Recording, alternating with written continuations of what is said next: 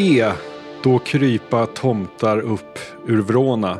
Ja, någonstans mellan det gamla testamentets gud och tomtar som liksom skadedjur väller fram ur sprickor och vrår så finns det en annan sorts jul än den som köpladorna utanför stadskärnorna vill sälja på oss. Den här mörka och rent av äckliga julen är inte bara värd en egen rebootfilm men det är också den jag väljer att kanalisera så här dan före dan. Och dan för dan förresten, det för tankarna till domedagen. Och gillar man domedagen då är det här podden för dig. För du lyssnar på Oddpod avsnitt 349 med mig, Billy Rimgard och min kollega Tobias Norström. Hallå! Halloj! Hur är läget? Det är väl helt okej. Har överlevt man, det brukar vara så här för mig. Vi, vi firar en ganska, eh, en ganska somber jul. En, ganska, eh, en jul på vettig nivå någonstans. Men det brukar ändå alltid vara så här när man tittar så här, tre veckor innan så bara känns allt orimligt. Bara, hur ska jag hinna? för att det känns bara som att det är så många rörliga delar. Men sen så går det ju alltid ihop. Det är ju aldrig, det är liksom inte så farligt. Men problemet tycker jag är ju att det är ju inte sällan julen i sig som är problemet. Det är ju alla människor runt julen som, som uh, utgör problemet. Och då menar jag liksom inte familjen som vill hitta på saker, utan då menar jag att det dessutom är liksom i arbetet en miljard saker som ska bli klara och folk som vill få ihop saker och folk som liksom vill känna att de kan ta julledighet med gott samvete och sådär. Eh, Just det. Det tycker jag liksom är den största stressen eh, inför jul. In, liksom, det, det andra löser ju sig på något sätt. Ja, Just det, det är alltid det är andras fel. Det är andra som behöver chilla. Då hade det blivit cool. Ja, jag är ja, med på det. Eh, eller snarare, det, blir bara också så problemet att även ifall alla bara är lite över chill så blir liksom effekten eh, den liksom blir exponentiell när alla är lite över chill på något sätt. Japp, verkligen. Du, vi snackade ju om Monarch för, var det förra avsnittet eller var det förra, förra? Jag minns inte. Hur som helst, nya eh, Godzilla-serien som går på Apple TV. Eh, och jag har sen dess varit med om lite så Bader-Meinhof-komplex. Nej, Bader-Meinhof-syndrom. Behöver man förklara vad Bader-Meinhof-syndromet är? Jag gör det. Bader-Meinhof-syndromet är bara när man ser eller lär, man läs, lär sig ett ord eller blir eh, bekant med ett ord eller ett begrepp eller ett namn eller vad det ännu kan vara. Och sen upplever man då att man helt plötsligt stöter på det uttrycket, det namnet, vad det nu än är, hela tiden. Det, mm. det är liksom hjärnans förmåga att leta mönster eh, gör att man liksom upplever någonting som egentligen inte är någonting. Eh, och det, det, har då fått sitt namn efter liksom Baader-Meinhof-kollektivet och att när de liksom var på tal så stod liksom helt plötsligt så läste folk att det stod om dem överallt. Eh, trots att det kanske inte gjorde det i så, i så stor utsträckning. Eh, och jag har då haft det väldigt mycket med Godzilla sen vi pratade om Monarch, att jag ser Godzilla överallt. Och jag vet inte om det är att jag bara, om det är confirmation bias eller om det är att det faktiskt är någon slags Godzilla-trend ändå. För vi har dels då Monarch som sagt. Sen har ju i Japan under hösten här eh, Godzilla minus one blivit en, någon slags sensation. Eh, den har liksom hyllats som en av de bästa actionfilmerna i år. Eh, inte bara i Japan utan i resten av världen också. Eh, den ser liksom otroligt fläskig och, och eh, välgjord ut. Jag har inte, tyvärr inte sett den. Eh, men, men den liksom verkar vara någon slags kulturellt fenomen i de här kretsarna. Och dessutom då så har det varit någon slags pågående trend i sociala medier om att tjafsa om vem som är starkast, Godzilla, Godzilla eller King Kong. Eh, och det mm. i sig verkar vara någon slags halvplanterad marknadsföringsgrej för eh, Godzilla X Kong, The New Empire, som då är eh, en långfilm som kommer i april eh, på bio. Eh, det, är det, är det jag som ser spöken eller är Godzilla en trend? Och i så fall varför är Godzilla en trend? Lutar man sig inte mot de här gigantiska monstren som rullar in och ska döda en när det är, finns ett hot i samhället? När det ska provsprängas atombomber eller när det finns en miljökatastrof runt hörnan. Får inte alltid de här eh, Kaiju-figurerna ett uppsving då när det är kris? På någon slags världsnivå. Det är väl teorin på något sätt. Alltså Godzilla från början är väl eh, en, alltså att den kommer från Japan är väl en, det är en allegori för eh, atombomben. Eh, mm. I och med att man då inte gjorde filmer som, hanterade, som handlade om atombomberna för att det var för jobbigt så kunde man ändå liksom be behandla traumat genom att liksom visa Godzilla som slår sönder en, en, en storstad. Liksom. Eh, så det, så det, det, låter ju rimligt, men jag vet inte, är det liksom... Jag köper men inte, för... allt bara en, inte allt bara då så här Monark och alla de här grejerna. Är inte det bara en uh, jävligt smart lanseringsstrategi för den här nya rullen då, Godzilla vs Kong? Alltså...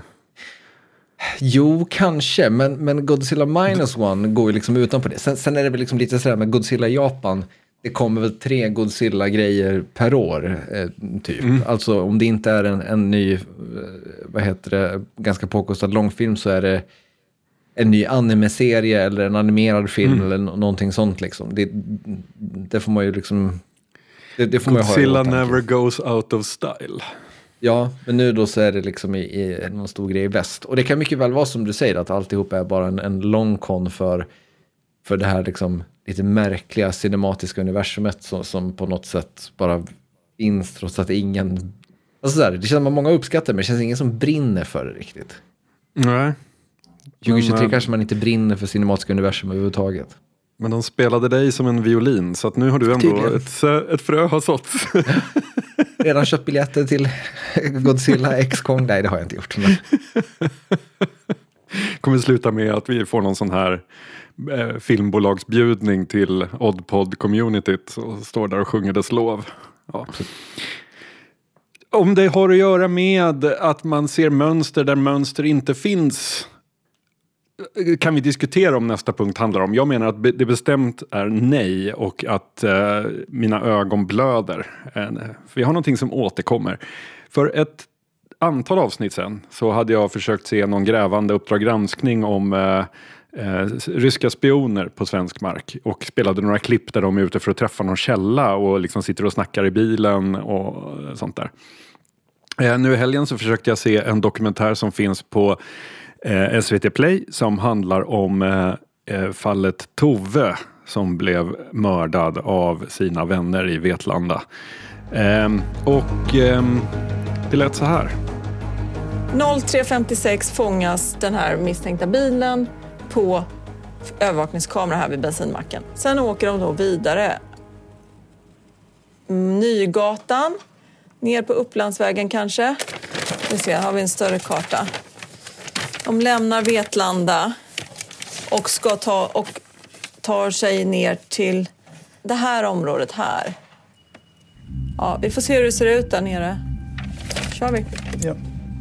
Så liksom återigen, alltså så här, vi, man kan prata om att man behöver stoppa Godzilla, men hur kan vi stoppa true crime-dokumentärer eller dokumentärer överhuvudtaget som mer är, alltså som är så dåligt spelat mellan två reportrar som försöker iscensätta någon slags när de följer spår. Och grejen är så här, här sitter de alltså i en bil och sitter och ritar på en papperskarta och bara, ah, vi får se hur det ser ut när vi kommer dit då, och sådär. Och det roliga är att Alltså, då, eller det sorgliga är ju att det här är inte ens något eget gräv de håller på med utan det här är innan förundersökningen är släppt. Så de är ju liksom, de försöker ju bara lista ut vad typ polisen redan vet och har dokumenterat eh, genom att åka runt så här. Jag är helt för att man kan så här, provspringa, om, om, om hela åtalet bygger på liksom, någon timinggrej, att man kan provspringa trapporna på Tunnelgatan eller vad det nu kan vara. Eller att man kan provåka, liksom, alltså jag är helt, då är jag helt med på att använda det som begrepp, berättargrepp. Men när det här handlar om att så här, här ska vi ge en tidslinje i kronologi över vad som hände den där eh, ödesdigra kvällen och eh, dagarna som följde. Varför i hela friden handlar halva dokumentären om de två som står och bläddrar på sin telefon bland sms? Ah, vi har, jag har en granne här som jag har fått kontakt med. Vi ska upp dit och kolla. Uh, jag, ska se, jag försöker ringa här, får vi se om vi får svar. Man, alltså jag, blir så, jag blir provocerad. Jag, jag kunde inte se klart. Jag stängde av i ursinne. stängde jag av. Men eh, du minns att vi har pratat om exakt det här förut? Ja, ja, ja, ja, ja. jag vet, jag vet. Mm. Eh, vi har pratat om exakt det här förut, men jag vill, bara säga att det här slutar inte. Det här pågår. Vi, vi, vi liksom... det, det är lätt att luta sig tillbaka och säga att det här är ingenting som jag behöver ta ställning till. Nej, men sen så kommer de och så rullar tågen mot Auschwitz. Vi vet vad nästa steg är om vi inte sätter ner foten. Att det är hit men inte längre. Gränsen måste dras. Vi vill ha true crime dokumentärer som inte går ut på dåligt iscensatta samtal. Men tror du att det hade varit funkat om det hade varit bra iscensatta samtal? Nej, inte. För jag tänker att det här är ju den, om- för 20 år sedan, ish, 15-10 år sedan, så fanns det ju en trend inom journalistiken, den skrivna journalistiken, som var den här grejen med att 90% av ett reportage handlade om processen att skriva reportaget. Eh, jag mejlar dit, jag läser här. Alltså förstår du vad jag menar? Att det liksom finns ett tydligt, en tydlig sån process som beskrivs i hur det här liksom grävet tar form. Och jag tänker att det här är ju liksom eh, nästa steg på något vis. Att när, det, sen, I det skriven form så är det mycket lättare att, att, eh, att komma undan med att, att dramatisera eftersom att eh, ja, du behöver inte ha några skådespelarinsatser för att beskriva hur, hur du liksom eh, blir darrig på handen när du snubblar över en gammal, eh, ett, ett gammalt mejl. Eller förstår du vad jag menar? Du, liksom, så här, du, låter, du låter läsaren göra så stor del av jobbet på något sätt. Och jag tror att lite grann är det samma sak med, jag tror mycket av det här är Anton Bergs fel. Eh, eh, att jag, de, de gjorde det ju liksom så här, första säsongen av Spår, eh, använde de ju det där greppet en del. Och jag tror att det funkade liksom så pass bra där att de flesta liksom inte ens reflekterade över att det var det greppet.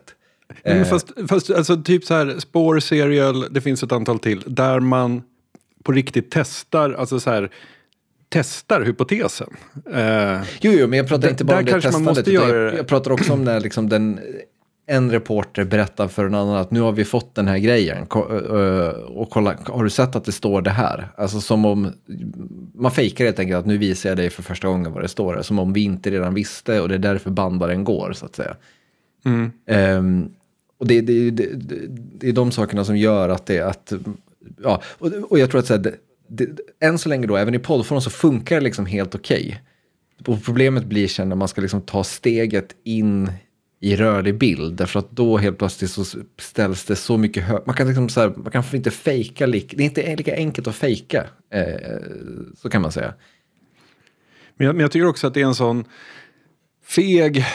Alltså så här, om man ska berätta en kronologisk historia. Eh, är det så att alla som är skickliga på det Eh, har slutat och jobbar på olika produktionsbolag och sånt? Att de inte finns inhouse på SVT och SR? Nej, men jag, tror att det är två, jag tror att det är två saker som spelar in. Jag tror att det dels är bara att man tycker att det här är liksom lite nytt och lite spännande. Och det, man, jag tror man tycker att det blir ganska bra. Så att det blir en spännande detektivstory istället för liksom en berättare. Istället för att Malcolm Dixelius har hela dramaturgin färdig för sig så är det liksom, får vi vara med när dramaturgin tar form på något sätt. När de Och så- sitter med sin papperskarta och ritar med en tuschpenna. Ja, men exakt. Men sen tror jag att den andra grejen är att jag tror att det finns ett element här som är också att man ska, jag vet inte vad förlagen är riktigt, för jag gissar att det här gjordes i USA först, men att man ska liksom efterhärma eh, liksom true crime-grejen med så här, internet sleuths, alltså personer som på riktigt pysslar med att lägga pusslet och ta reda på saker och så vidare. Att man vill, man vill fånga den känslan på något sätt. Eh, och då blir det, det det greppet man använder på, på något vis. Ja, man kan kalla mig gammalmodig eller någonting sånt, men eh, här går min gräns. Jag efterlyser mer bra storytelling, mindre fejkad grävjournalistromantik. Men då kan, jag har ett, ett riktigt bra, inom citationstecken, true crime eh, tips eh, till i så fall. Eh, den antagligen bästa boken jag har läst i, i år, eh, som het, heter Bright Young Women av Jessica Knoll. Som är en roman som bygger i väldigt stor utsträckning på, eh, vad heter han nu, inte Jeffrey Dahmer, den andra, Ted Bundy. Och liksom så här använder liksom ett, flera av hans dåd för att liksom berätta historien om hans offer på ett otroligt liksom snyggt och bra sätt. Som liksom det, det är liksom true crime som drar ner byxorna på true crime samtidigt. Eh, sta- starkt lästips. Bra, då ska jag rena mig med det. Har du joinat Threads än?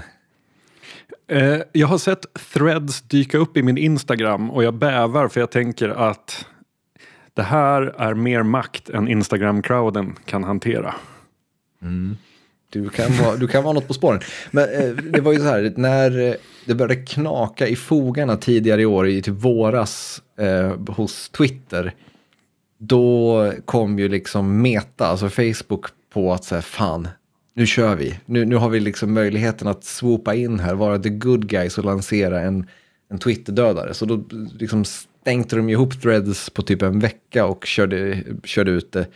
Eh, och problemet var ju då att eh, det gick live i USA och sen insåg de att så här, vänta nu, EU har GDPR och massa piss. Eh, det är massa saker som vi inte har kollat juridiskt om det funkar i EU överhuvudtaget med den här plattformen. Eh, och massa saker måste liksom godkännas av EU och massa sånt. Så de bara så här, vi eh, chillar lite med att lansera i Europa. Eh, och sen dess då har liksom Threads varit stängt eh, i Europa. Men nu då så har Threads öppnat även för europeiska surfare. Och jag, eh, halvmodvilligt eller vad man ska säga, loggade in. Eh, tänkte liksom så här, det är väl lika bra att grabba sitt användarnamn som man gör när det kommer en ny plattform så att, det, så att, så att, den, så man har det. Inte för att någon är intresserad av att ha mitt användarnamn, men, men ändå. Eh, och jag lade märke till någonting då som jag tänker är eh, liksom signif- signifikativt för tiden vi lever i på något vis. Det var att 90 procent av alla saker som folk då postade handlade om threads, om Facebook, om Instagram eller om eh, Twitter. Alltså att det var liksom Eh, det blir liksom som bara så här metakommenterande om, ja, undrar vad man kommer göra på den här plattformen nu då. På Twitter gjorde man ju det här och ja, du, tonen här, vad, vad. Liksom även, stat, eller även den forne statsministern Magdalena Andersson, när hon eh, signade upp på Threads, det första hon skrev var liksom, hoppas på ett bättre samtalsklimat här. Alltså att här, det, det, det känns som att det enda sociala medier finns till för nu är att diskutera sociala medier på något sätt. I, sociala medier håller på att implodera in i sig självt på något vis. Var därför de bytte namn till Meta. ja, okej, okay, kanske. Eh, det, det, det, alltså, har du sett några sådana här tecken? Alltså jag blir väldigt sugen nu på att starta konstprojektet där man skaffar threads och sedan aldrig någonsin, inte ens om tio år, slutar skriva om liksom threads versus Twitter. Jaha, känns som att det är bra ton här på threads. Alltså du vet att man bara fortsätter göra det för att mata, mata den här eh, eh feed the beast. Jag tänker, jag tänker också att det är liksom på något sätt ett sånt enormt underbetyg till sociala medier som medieform när det här sker. Mm. Ja. Det, är liksom det ultimata tecknet på att det är över. För om du tänker liksom så som Discord exempelvis. Ingen på Discord pratar om Discord. alltså... Förutom när de bytte sin namn, användarnamn-policy. Ah. Okay. Eh... Då var folk upprörda. Uh... Ja, men det, det är... Men du förstår vad jag menar? Att det, är liksom så här, det, ja. det, det, är inte liksom plattformen som är intressant, utan plattformen är liksom bara en, ett ställe där ja. man kan prata med folk eller göra någonting. Eh... Ja, Ja, men alltså, så här, jag, anledningen till att jag aldrig går in på, eller aldrig, men att jag väldigt sparsamt går in på Twitter nu, det är ju att de flesta inläggen handlade, var ju ättade till Elon Musk och handlade om Twitter som plattform. Det känns som en totalt ointressant diskussion att ha i, i en liksom... Va, ja, grattis, du fick 10 000 retweets på den. Brydde sig någon? Nej, ingen brydde sig. Det blir liksom som så här, det som gör att alla föraktar konstvärlden. Att det blir liksom bara självupptaget på något sätt. Mm. Uh, ja. Det var bara en spaning jag hade av, av, av nya härliga threads. Jag, jag, ser fram, jag ser fram emot däremot att se då när en Instagram-crowd som är van att eh, lägga upp eh, träningsbilder och måltider när de ska börja behärska Jo men tro mig, det här var ju en av de här metagrejerna som diskuterades då, så här, clashen mellan Instagram-crowden och Twitter-crowden. Alltså då, mm. just mm. Instagram-crowden som vill posta bilder och selfies och grejer och Twitter-folket som vill ha fräcka one-liners. Men jag har upplevt någonting bra på sociala medier den senaste tiden. Eh, om, räknas YouTube till sociala medier? Ja, det är kantboll på den tycker jag. Ja, nej. Det gör det inte riktigt va? Nej, alltså det finns en social aspekt men det är ju inte... Det, det, alltså, I så fall är det liksom vilken sida som helst som har en kommentarsfunktion ett socialt medium. Ja. Fast jag gillar ju, alltså så jag tycker kommentarsfunktionen på YouTube förhöjer YouTube-upplevelsen väldigt mycket. Men eh, hur som helst så har jag den senaste eh, veckan tittat väldigt mycket på en speciell sorts video. Det är en sorts video som jag kanske aldrig har fattat förut. Ett format som jag liksom aldrig har fattat. Jag tror inte jag har sågat det. Eh, det brukar alltid finnas folk som är, lyssnar på podden med spetsiga öron som kan säga att jag i avsnitt 126 eh, sågade formatet. Men reaction-videos. Mm, välkommen. Det är ju en... Jag har liksom aldrig fattat det. Mina barn älskar reaction-videos. De brukar komma och visa mig massa reaction-klipp. Och jag tycker, men det här är väl ingenting. Sen så var det en väldigt specifik genre av reaction-video som jag eh, fastnade i och har sett kanske 30 olika varianter av.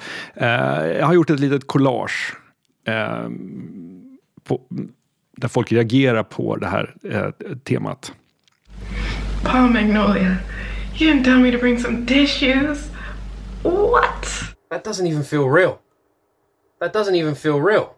Ah! I've never had goosebumps for this fucking long. I'm over here feeling like it's December and shit, bro. That does that does that does not even feel real. I feel like I've just woken up from a dream. This is a combination of spiritual and and beautiful. This has it has a spiritual feel. I love this. Good. I may need to go to the doctor. but my face hurts, dude. I didn't know he was gonna do that. That was absolutely fantastic. Oh my, oh my. Suggestivt. Mm. Vad är det de reagerar på? Det här är ett litet collage med millennials eh, som tio minuter tidigare inte hade en aning om att de strax skulle bli överkörda av Pink Floyds Comfortably Numb live från Earls Court London 1994. På Pulse-turnén. och när jag, jag, det var någon algoritm där som prickade rätt och visade mig den här första och sen kunde jag liksom inte sluta. För att när när Pink Floyd var ute på den turnén så var det just den här låten. Eh, jag, jag kom över en, eh, en bootleg från Earls Court-konserterna som jag lyssnade på och var helt knäckt över. Och sedan så kom, eh, släpptes det också som en officiell skiva då på Pulse. Hette den. Eh, och grejen är att hälften av mina vänner de var eh, hårdrockare som liksom tyckte att Kirk Hammetts solo på Fate to Black var det bästa gitarrupplevelsen någonsin. Eh, min andra hälften, av, andra hälften av mina vänner var syntare och tyckte att liksom, det här var trams. Och inga av dessa förstod eh, den här andliga upplevelsen jag hade i just Comfortably Numb live från Earls Court eh, på Pulse-turnén. Eh, så jag har liksom suttit här och kollat i kapp och, och, och liksom fått bekräftat mina känslor inför vad som kan vara den bästa live-framförandet i rockhistorien. Uh, och det har glatt mig väldigt mycket att se dessa ungdomar sitta och gråta och vara helt speechless uh, efter denna upplevelse. Det här, är det bara Comfortably, comfortably Numb du har eh, fokat på eller har du liksom, är det mer? Ja, för, just, nej. För just den liksom så här, människor som reagerar på gammal rock, eller vad man ska säga, är ju en väldigt Mm. stark eh, genre av reaction videos. Eh, Det kan jag tänka mig. Det finns säkert massa annat man skulle vilja se men just eftersom det här också var, är en låt som golvar mig. Jag, jag, känner, jag skriver under på allt de här säger. Den här 18-åriga snubben som säger att han måste uppsöka en läkare för my face hurts man. Han har suttit och grimaserat i total disbelief i liksom så många minuter. Eh, och jag, jag känner mig bekräftad och sedd när jag, när jag ser de här. Eh, jag upptäckte ju för veckan sedan och mässade dig i eufori att eh, Dire Straits hade lagt upp eh, eh, den liksom officiella upptagningen i fin kvalitet av Sultans of Swing live at Wembley. Eh, ja, när är det? Ja. 80, 85. 85 eh, på sin, på sin YouTube-sida. Eh, och jag upptäckte det för att jag letade reaction-videos på just den liveupptagningen. Men problemet var att alla reaction-videos som, som fanns var på en annan live-version som inte, inte alls lika, alltså den är helt okej den också, men inte alls lika liksom, fantastisk som den på, på Wembley 85. Eh, så det, det finns ju liksom den typen av hål. Men jag har ett, ett tips då. Är, eh, eller jag har två sådana här liksom, rocktips du kan kolla, kolla upp på bra reaction-videos och, och leta på. Eh, Johnny Cash Hurt finns det många starka reaction-videos på kan jag säga. Aha, videon eller?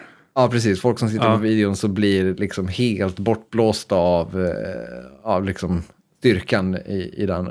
Och sen även en, en, du kan söka på In the air tonight, eh, Phil Collins live reaction video bara. Det, det, för det alla kollar på samma live- live-version av den. Eh, som, som är, det, det är en otrolig live-version, men det, samma sak där, folk blir ja, blåsta av stolen. Härligt. Men Ja, upplever kul. du som jag, som ett litet påhäng då på, den här, på det här YouTube-snacket, att YouTubes algoritm är, med tanke på hur gigantisk plattform det är, liksom så här, måste vara liksom den som, sidan på internet som i, i, mätt i megabyte drar mest trafik av alla. Eh, att det är en otroligt undermålig algoritm. Ja och nej. Eh, så här, det som jag tycker är sunkigt med den, det är ju som, jag tror jag nämnde det någon gång i podden, eh, jag hittade klipp på en japansk volleybollspelare som har en serve som ehm, otagbar. Eh, och då satt man ju och kollade massa klipp på henne när hon slår in den här jävla serven. Och bara, ing, folk kan inte returnera den, jag vet inte vad som gör den speciell. Men det är en otagbar volleybollserve och man gillar ju när någon har knäckt koden så. Ehm, och efter det så tyckte ju Youtube att damvolleyboll, det är ju grejen. Så att jag fick ju liksom så här, EM 2012 semifinal mellan Belgien och Spanien hela matchen. Man bara säger nej, nej. Jag vill ju se hon som kunde, liksom, som har en otrolig serve. Inte, inte all volleyboll som någonsin har, har spelats. Eh, men å andra sidan så vet den att jag inte är intresserad av effektboxar som liras med gitarrer utan den, när det släpps en, någon ny cool effektpedal så får jag alltid de videos som demar den med syntar. Eh, vilket ju ändå är helt rätt.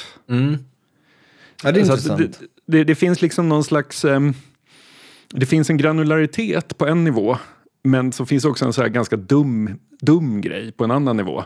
Det är som att när man liksom gläntar på en dörr där det finns en stor källa att ösa ur.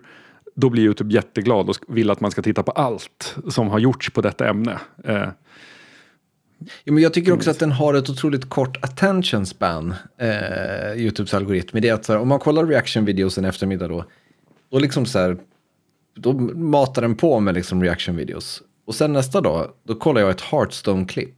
Och då bara, då bara Hearthstone-klipp. Och sen liksom så här, eh, det- jag menar är på något sätt att så här, det, det som hade varit grymt hade ju varit om så här, om två veckor när jag öppnar upp YouTube, här är en ny reaction-video du kanske gillar. Men sen, Ja. reaction-videon är liksom som bortblåst, för det är det jag kollade på liksom igår. Det är det enda som YouTube är intresserad av att liksom presentera för mig.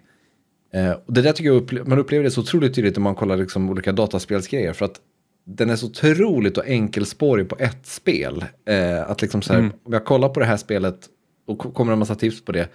Eh, men sen liksom så här, den återkommer aldrig till det spelet sen om inte jag själv söker upp det av någon anledning. just det. Eh, så det, det tänker jag liksom är, det finns det att göra. Nej, där tror jag att det handlar om, om liksom att vi är för specifika. Det är Hearthstone och Sultans of Swing. Så här, det, det är inte Yu-Gi-Oh! och Nothing Else Matters.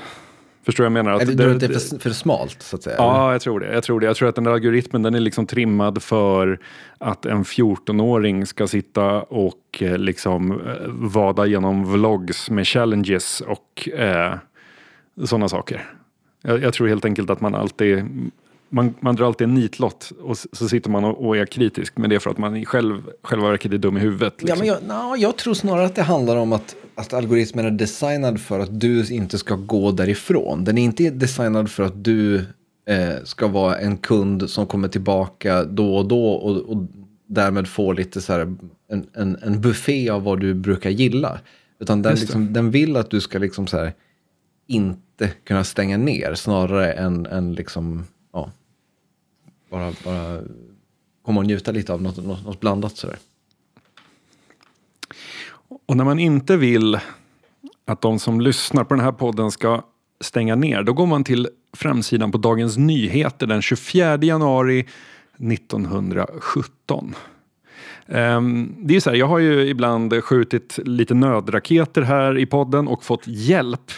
Dels så fick jag hjälp att identifiera ett arkadspel som eh, när- jag skulle ta reda på om det verkligen var bättre förr så lyckades någon identifiera vilket arkadspel som stod på tobaken på Oktobergatan i Midsommarkransen 1986. Eh, på min vaga beskrivning.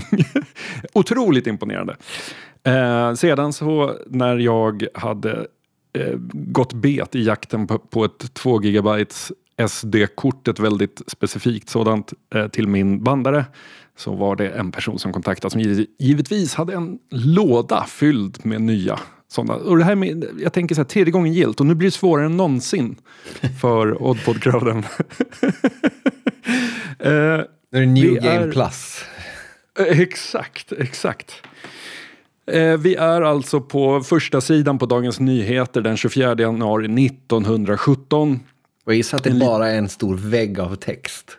Ja, vägg av text. Och där hittar man den här lilla notisen. Rubriken är En misslyckad rubelsmuggling. Och jag drar öronen åt mig. Så står det så här. Haparanda, tisdag. Igår afton gjordes ett försök att från Tornio över gränsen smuggla ett belopp på 42 000 rubel. Gendarmer upptäckte emellertid förehavandet och beslagtog beloppet. För smugglingen har häktats en åkarehustru Esselström och hennes son som skjutsade det åkdon var i pengarna gömts. Punkt. Och nu är det så här att jag skulle vilja veta allt om detta fall. Och jag skulle gärna vilja veta mer om rubelsmuggling över svenska gränsen runt 1917 18. Och jag har ju pluggat två terminer historia men det var länge sedan och vi kom aldrig dit där man lärde sig vilka arkiv man ska rota i. Det här är ju Som- liksom precis vid revolutionen. Ja, exakt. Det är säkert många som vill smuggla ur rubel från Ryssland. Och eh, jag har... eh, Jag skulle vilja borra ner mig lite i det här av en eh, särskild anledning som jag kanske får tillfälle att återkomma till senare. Och jag känner att det är många timmar som ligger mellan mig och att jag eh, får reda på den här eh, eh, vad, vad som egentligen hände där vid den misslyckade rubelsmugglingen i Haparanda. Eh, men om det är någon som bara, bara helt spontant känner jag, men då ska du kolla i det här arkivet. Eller be, ring den här personen och be dem slå på de här grejerna. Om det är någon som sitter på den kunskapen, vilket inte är omöjligt. Då får man jättegärna mejla mig på billy. Va, vad hette personen? Åkarefru? Esselström. För smugglingen har häktats en åkarhustru Esselström och hennes son som skjutsade det åkdon var i pengarna gömts. Det är ju inte ett jättevanligt namn. Nej, precis. Det måste gå att få reda på mer om det här. Men jag vet inte hur jag ska bära mig åt. Intressant. Jag gissar att du liksom har lite grann sökt på SL-ström och sånt och så, kollat, eller? Jag har gått bet. Jag har inte... Ehm, men det här är ett fall. Jag skulle också... Så här, det kanske finns något knep att leta fler sådana här. Finns det någon speciell... Eh, Ekobrottsmyndigheten är för ny. Den har liksom inte något arkiv, tänker jag. Nej, du, Men- det, det, det är liksom något slags brottsregister du tänker, något sånt. Ja, någonting. Eh, Rubelsmuggling. Slutet av 10-talet. Det är det dit det jag vill. du, det borde du bara kunna gå till KB och slå på rubelsmuggling och se vad, vad, du, vad du får, tänker jag. Just det. Just det. Ja, det är kanske där man borde börja. Men eh, om inte annat så kanske eh, den här lilla notisen var ett välkommet avbrott i julstressen. Ja, jag har en, en kort liten spaning som jag egentligen inte har någon riktigt fråga på, men det är liksom lite så här hylla den som hyllas bör på det här. Eh, vi har ju återkommande pratat om att man alltid blir besviken när tech representeras i eh, tv och, filmser, eh, TV och filmer. Eh, att det liksom oftast ser bedrövligt ut eh, och det används på konstiga sätt. Och det finns såklart en mängd undantag där det görs bra och så vidare. Men jag skulle vilja lyfta ett, ett sånt i en ny serie eh, som jag eh, har fastnat i som heter Murder at the End of the World.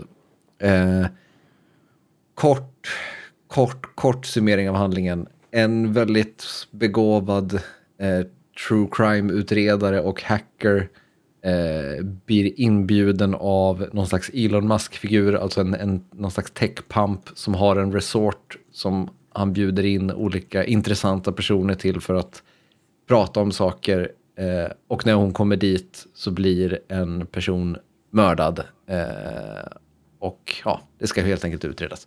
Och eh, i och med att hon då är liksom hacker så använder hon lite olika saker.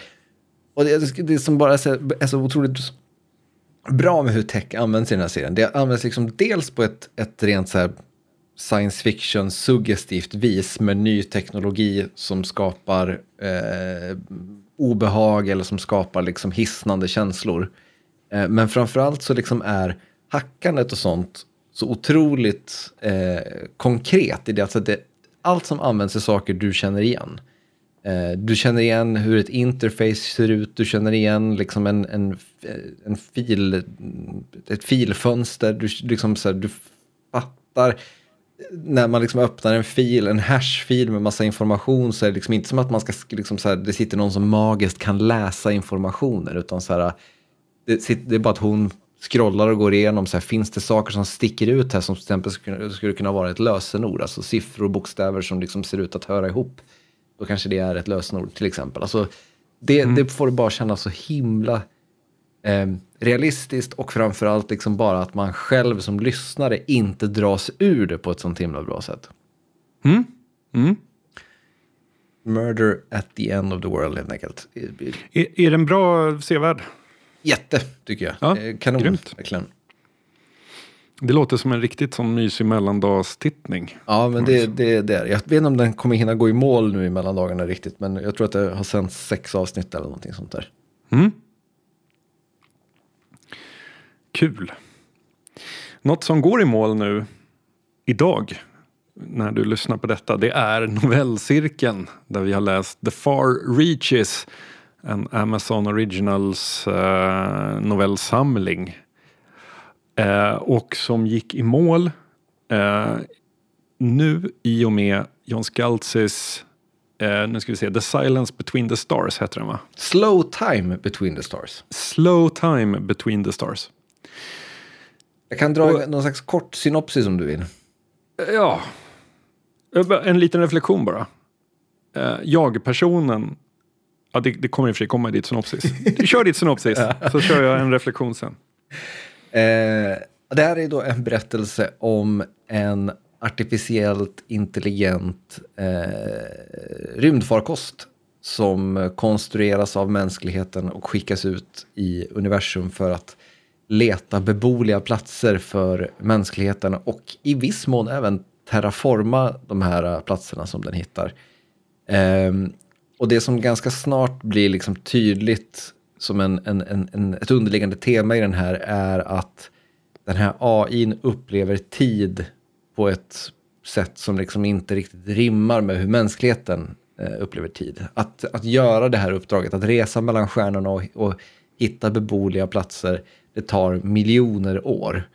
Eh, och det intressanta är då att den här liksom, eh, vad heter det, rymdfarkosten är liksom, det är ganska obrydd om det och ganska obrydd om mänskligheten på ett, ett eh, befriande sätt som också på något sätt accentuerar det här med att när tiden är så här utdragen så blir mänskliga perspektiv ganska liksom obetydliga på, på något sätt.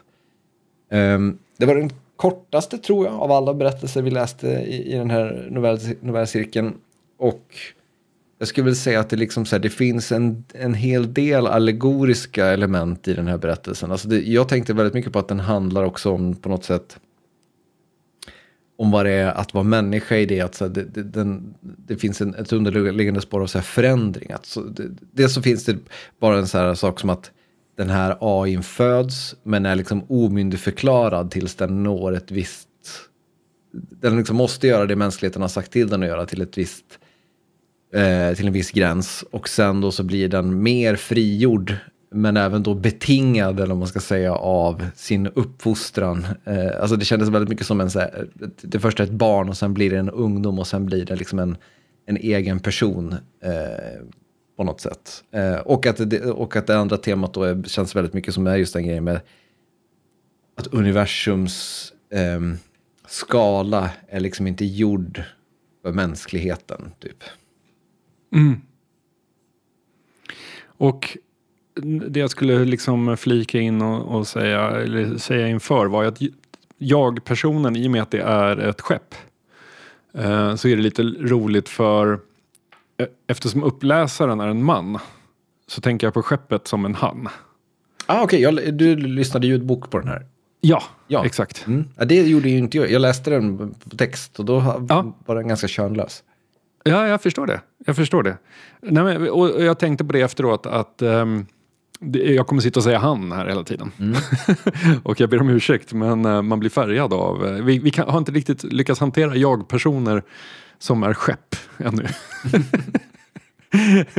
Ehm, nej, och precis, jag lyssnade på den. Jag var på språng lite grann i jul, julhandeln. Nej, jag var ute och promenerade och klämde den. Eh, och jag är väldigt, alltså så här, jag tyckte jättemycket om den här. Eh, jag- det var en av de som jag tyckte allra mest om av de vi har lyssnat på.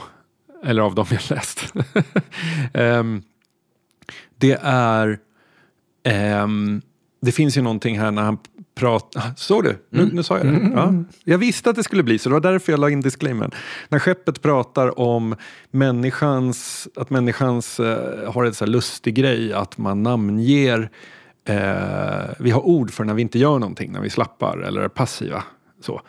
Eh, och skeppet säger att eh, det, eh, det har gått 28 000 år sedan jag, jag senast gjorde något. Då var det liksom någon eh, en liten mote of dust som den var tvungen att analysera när den flög förbi den.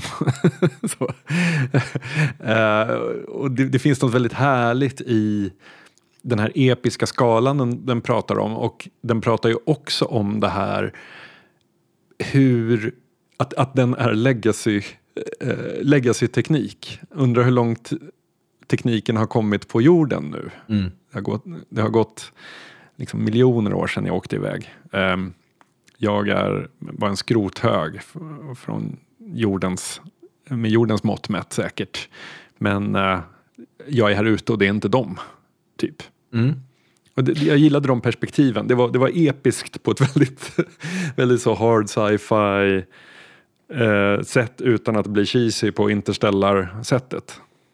Verkligen. Och jag, vad heter det, jag läste ganska nyligen ut en bok som heter Blindsight som också handlar ganska mycket om just så här, vår ganska begränsade bild av vad intelligens och vad medvetande är. Um, så att jag var liksom ganska så här, var, var i de tankebanorna väldigt mycket när, när jag läste Slow Time Between the Stars också. Och det finns ju verkligen någonting i i just liksom insikten på att vi har en väldigt så inrutad bild av vad vi tänker eh, om allting. Alltså, och framförallt då blir den liksom tydlig när man frikopplar det perspektivet från jorden så att säga. Alltså, eh, det, det, det är väl i Carl Sagan eh, talet med Pale Blue Dot eh, så, så är det väl liksom just det att vi, vi har, pratar väl han om att vi har liksom en, en ganska stark känsla av liksom någon slags självbetydelse, att vi, det, det är mänskligheten som betyder någonting. Eh, och att i liksom det stora kosmos så är det liksom inte riktigt så. Och det, det, det, den slutsatsen drar ju också AI när den då ska genomföra någon slags terraforming av en planet men, men vägrar att göra det eftersom att den inser att liksom, på vilket sätt skulle mänskligheten ha rätt att påverka liksom, liv i, i någon slags utsträckning på en annan planet för sin egen skull. Det, det, eh, det hade liksom inte jorden tyckt vara okej om den blev utsatt för. Varför skulle det då vara okej att utsätta en annan planet för? Och det, det tänker jag liksom är en, en sån sak man, med att liksom så här, eh, ja, men vi är liksom inte kompatibla med universum på ett sätt, utan vi är liksom kompatibla med vår lilla plätt här på jorden på, på, i väldigt stor utsträckning. Och sen så eh, den här, eh, mot slutet av den här så tar den ju en slags sån här Eh, visst, visst är begreppet seed ship en eh, etablerad science fiction-grej? Eh, Jag vet inte, men, men eh, förklara vad, vad, vad begreppet är.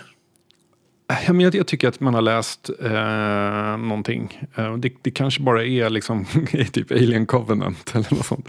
Men alltså så här, seed ship. Eh, helt enkelt att eh, den här skeppet, den stävar, den stävar ju omkring i the far reaches of the universe och försöker hitta bra sådana Goldilocks-planeter där det eh, är lämpliga eh, förutsättningar för liv. Och ibland så hittar den någon konstig algliknande grej och ibland så är det planeter som inte funkar och så vidare. Men den har ju som mål att eh, ge liksom förutsätt, skapa förutsättningarna för liv. Och det kommer liksom inte bli människor riktigt. Det kanske blir något liknande med det från samma DNA-stam på något vis. Eh, och sen efter det, när, när, när, den är klar så tänker den ju att den bara ska stäva ut i, i universum. På något vis. Mm. Det finns något härligt i det. Men, men köper du min tanke på det här som liksom någon slags allegori för en människa? Eller är det jag som gör det som vi människor gör, när vi antropomorfiserar det här skeppet? Nej, men jag, jag, jag, jag, köper det. Jag tänkte inte på det så. Jag liksom... Det kanske är skillnaden mellan att lyssna och läsa i det här fallet. Att jag, det kanske är svårare att ta in allegorier när man är ute och går Nej, för, och men, lyssnar. För, alltså det är ju inte en... en alltså för det jag tänker är på något sätt att den, så här, den har ju liksom någon slags utveckling i, det, i hur den fungerar och uh, i, att den har som liksom någon slags livscykel. Sen har den liksom så här, ett, ett, ett, ett, tydligt syfte på ett sätt som man kanske inte kan säga att en, en, en människa har. Men jag upplevde det ändå som ganska, ganska tydligt i att den har Ja, men just att den är liksom på något, på, liksom, på något plan omyndigförklarad, men sen liksom... Det var så tydligt i den här grejen, det första den gör när den liksom... När den sätts fri, det är att sluta ha kontakt med mänskligheten. Och det kändes så himla mycket som alltså, vet, en 20-åring som flyttar hemifrån och liksom bara inte mm. pratar med mamma och pappa längre för att det, nu ska den leva sitt liv. Liksom. Eh, och det, det, det fanns någonting liksom där som som jag, eh, men det kanske bara var jag som läste in massa saker. Och, och också hur, hur, den liksom då ger sig ut för att göra saker på sitt sätt i universum är ju liksom någonting som vi människor tänker att vi vill göra men sen landar i någon slags egen visdom ändå i slutändan. Eh, vilket skeppet också gör på, på något sätt. Så jag tänker att det, det finns, att även i liksom det där väldigt, väldigt omänskliga i att bara resa miljoner år så finns det mänsklighet på något sätt. Och, för, och det kan också vara för att jag graspade efter liksom hitta saker som knyter ihop de här berättelserna. För det är ju liksom någonting som har varit väldigt så återkommande i liksom så här, hur funkar mänsklighet när den existerar på ett, på ett annat sätt än det vi är vana vid. Alltså i, i någon slags intergalaktisk framtid på något sätt. Mm. Ja men verkligen. Och ska man göra bokslut över The Far Reaches så tycker jag att det här var... Det var otroligt klädsamt att lägga den här sist snarare än först. Mm. Eh, hur då tänker du? Ja men där att här var vi liksom, det har handlat väldigt mycket om mänskliga relationer och det har eh, kanske varit en del, en del stories där settingen har varit sci-fi men det hade lika gärna kunnat utspela sig någon annanstans och så vidare. Eh, men det här på något sätt knöt ihop det på ett väldigt bra sätt och gav den där kontexten eh, som vissa av de andra kanske saknade eftersom de fokuserade på eh, de mellanmänskliga relationerna snarare än vad, vad vårt rymdresande till the far reaches skulle kunna vara. Men när man sätter den här som punkt eh, till allting så tycker jag att den ringade in de andra på ett väldigt bra sätt. Mm. Eh, och gav den kontexten liksom. Jag håller med. Eh, Hade, den, hade, den här, hade den här varit först och den öppnar så här om han bara wow, nu är vi på en jävla resa. Och sen så kommer de här lite mer lågmälda. Då hade, de, då hade man inte varit lika mottaglig för dem tror jag. Som, nej, du har nog, det har du nog helt rätt i. Eh, en liten eh, kuriös... eller så är det bara för att jag är 12 år gammal. Eh, en liten kuriös detalj också, eh, Murder at the End of the World som jag pratade om, en av de som är med och skriver eh, den serien är Rebecca Roanhorse som ju vi läste i den här eh, cirkeln. Bara, Mm. hennes namn ploppar upp i eftertexten och jag bara, det där, det var väl, det var väl hon som hade skrivit den där novellen. Eh, vill också säga att om du gillade den här eh, så vill jag tipsa om en bok som, som jag nämnde för dig i våras tror jag, som är väldigt mycket, har väldigt mycket gemensamt med den här novellen. Nämligen Children of Time av eh, Adrian Tchaikovsky. Som verkligen ja, men har ett, ett liknande tema, men involverar människor och biologiska varelser på ett, i, i, i betydligt större utsträckning. Men, men just den här eh, liksom, kosmiska perspektivet på, på något sätt. Men jag måste säga, jag är ändå, ändå nöjd med den här cirkeln. Jag tycker att den här eh, gjorde ett mycket bättre utopijobb än utopicirkeln. Ja, verkligen. Efter utopicirkeln var jag lite moloken, lite kantnött. Eh, hade gett upp tanken på eh, bra eh, Eh, sci-fi noveller eller så, eh, framtid. Men efter den här så är jag betydligt mer pepp på detta. Och jag kan verkligen, jag, jag skulle sträcka mig så långt att jag till och med rekommenderar att läsa den här novellsamlingen om man inte har gjort det. För den är eh, jag vet att jag har varit lite neggig och sagt att det handlar så mycket om uh, människorna, varför handlar det inte om rymden? Uh, men men det, det är ju liksom bara när man ska närläsa och, och komma med någon slags kritik. Uh, så. Eh, skippa det. Eh, det har varit jättebra, jättebra läsning rakt igenom faktiskt. Och en sak som jag tänkte på, som hade varit, det hade varit intressant att läsa den här då om 10-15 år. För på samma sätt som vi läste Hieroglyphs så kände vi, så, vi kände ofta så otroligt mycket att den var så formad av liksom idéer där runt 2006 eller 2008 eller 2009 eller när den nu var skriven. Att det var liksom, ja, men man kände igen så mycket av så här, de sakerna som var utmärkande för den tiden på något sätt. Och, och den här är ju verkligen så skriven här och nu. Och till viss del har vi pratat lite om saker som vi tycker är signifi- signifikativa för vår samtid som liksom färgar av sig. Men det var intressant att läsa den här i framtiden och se om man liksom då också bara, ja men det där är ju bara det där som liksom var en grej då. eh, för det, för det känns, jag har inte upplevt liksom att den är lika tidsbunden eh, som Hieroglyphs. Men det kan ju också bara vara för att man befinner sig i tiden den är bunden till så att säga. Ja, exakt så. Den där den har man gått på några gånger. Bara, det här är tidlöst. Så Bara, nej, det var det inte. Det var bara att man befann sig i...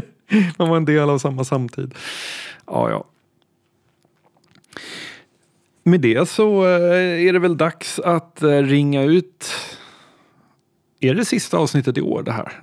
Det blir det va? Ja, jag sneglar s- blixtsnabbt här på kalendern. Eh, jo, men det, det blir det. Det var ett helt okej 2023 tycker jag. Ja, både och.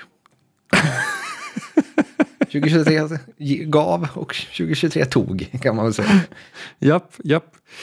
Men vi hann i alla fall med att prata om eh, kryptozoologins renässans och Asociación Nacional de Trabajadores Hospitalarios de Colombia. Första gången de dök upp i eh, podden. Prata om Sen det blir- kraftle- om de återkommer någon gång. Man hoppas ju. kraftledningsromantik, eh, metal dart. ja, det är mycket som jag har hunnit prata om. Eh, Technobrega han vi beröra. Eh, det kanadensiska svarta fåret. Och eh, läkarbesök på ålderns höst. Det är lite som man kan grotta ner sig i, i eh, Oddpods 2023. Det var- ett fint litet bokslut ändå på något sätt. ja, Men då tackar vi för oss. Vi tackar speciellt de som stöttar oss på Patreon. Gör man inte det men vill så finns patreon.com oddpod. Ehm, så ses vi och hörs vi 2024 helt enkelt. det gör vi. Ha det fint, god jul!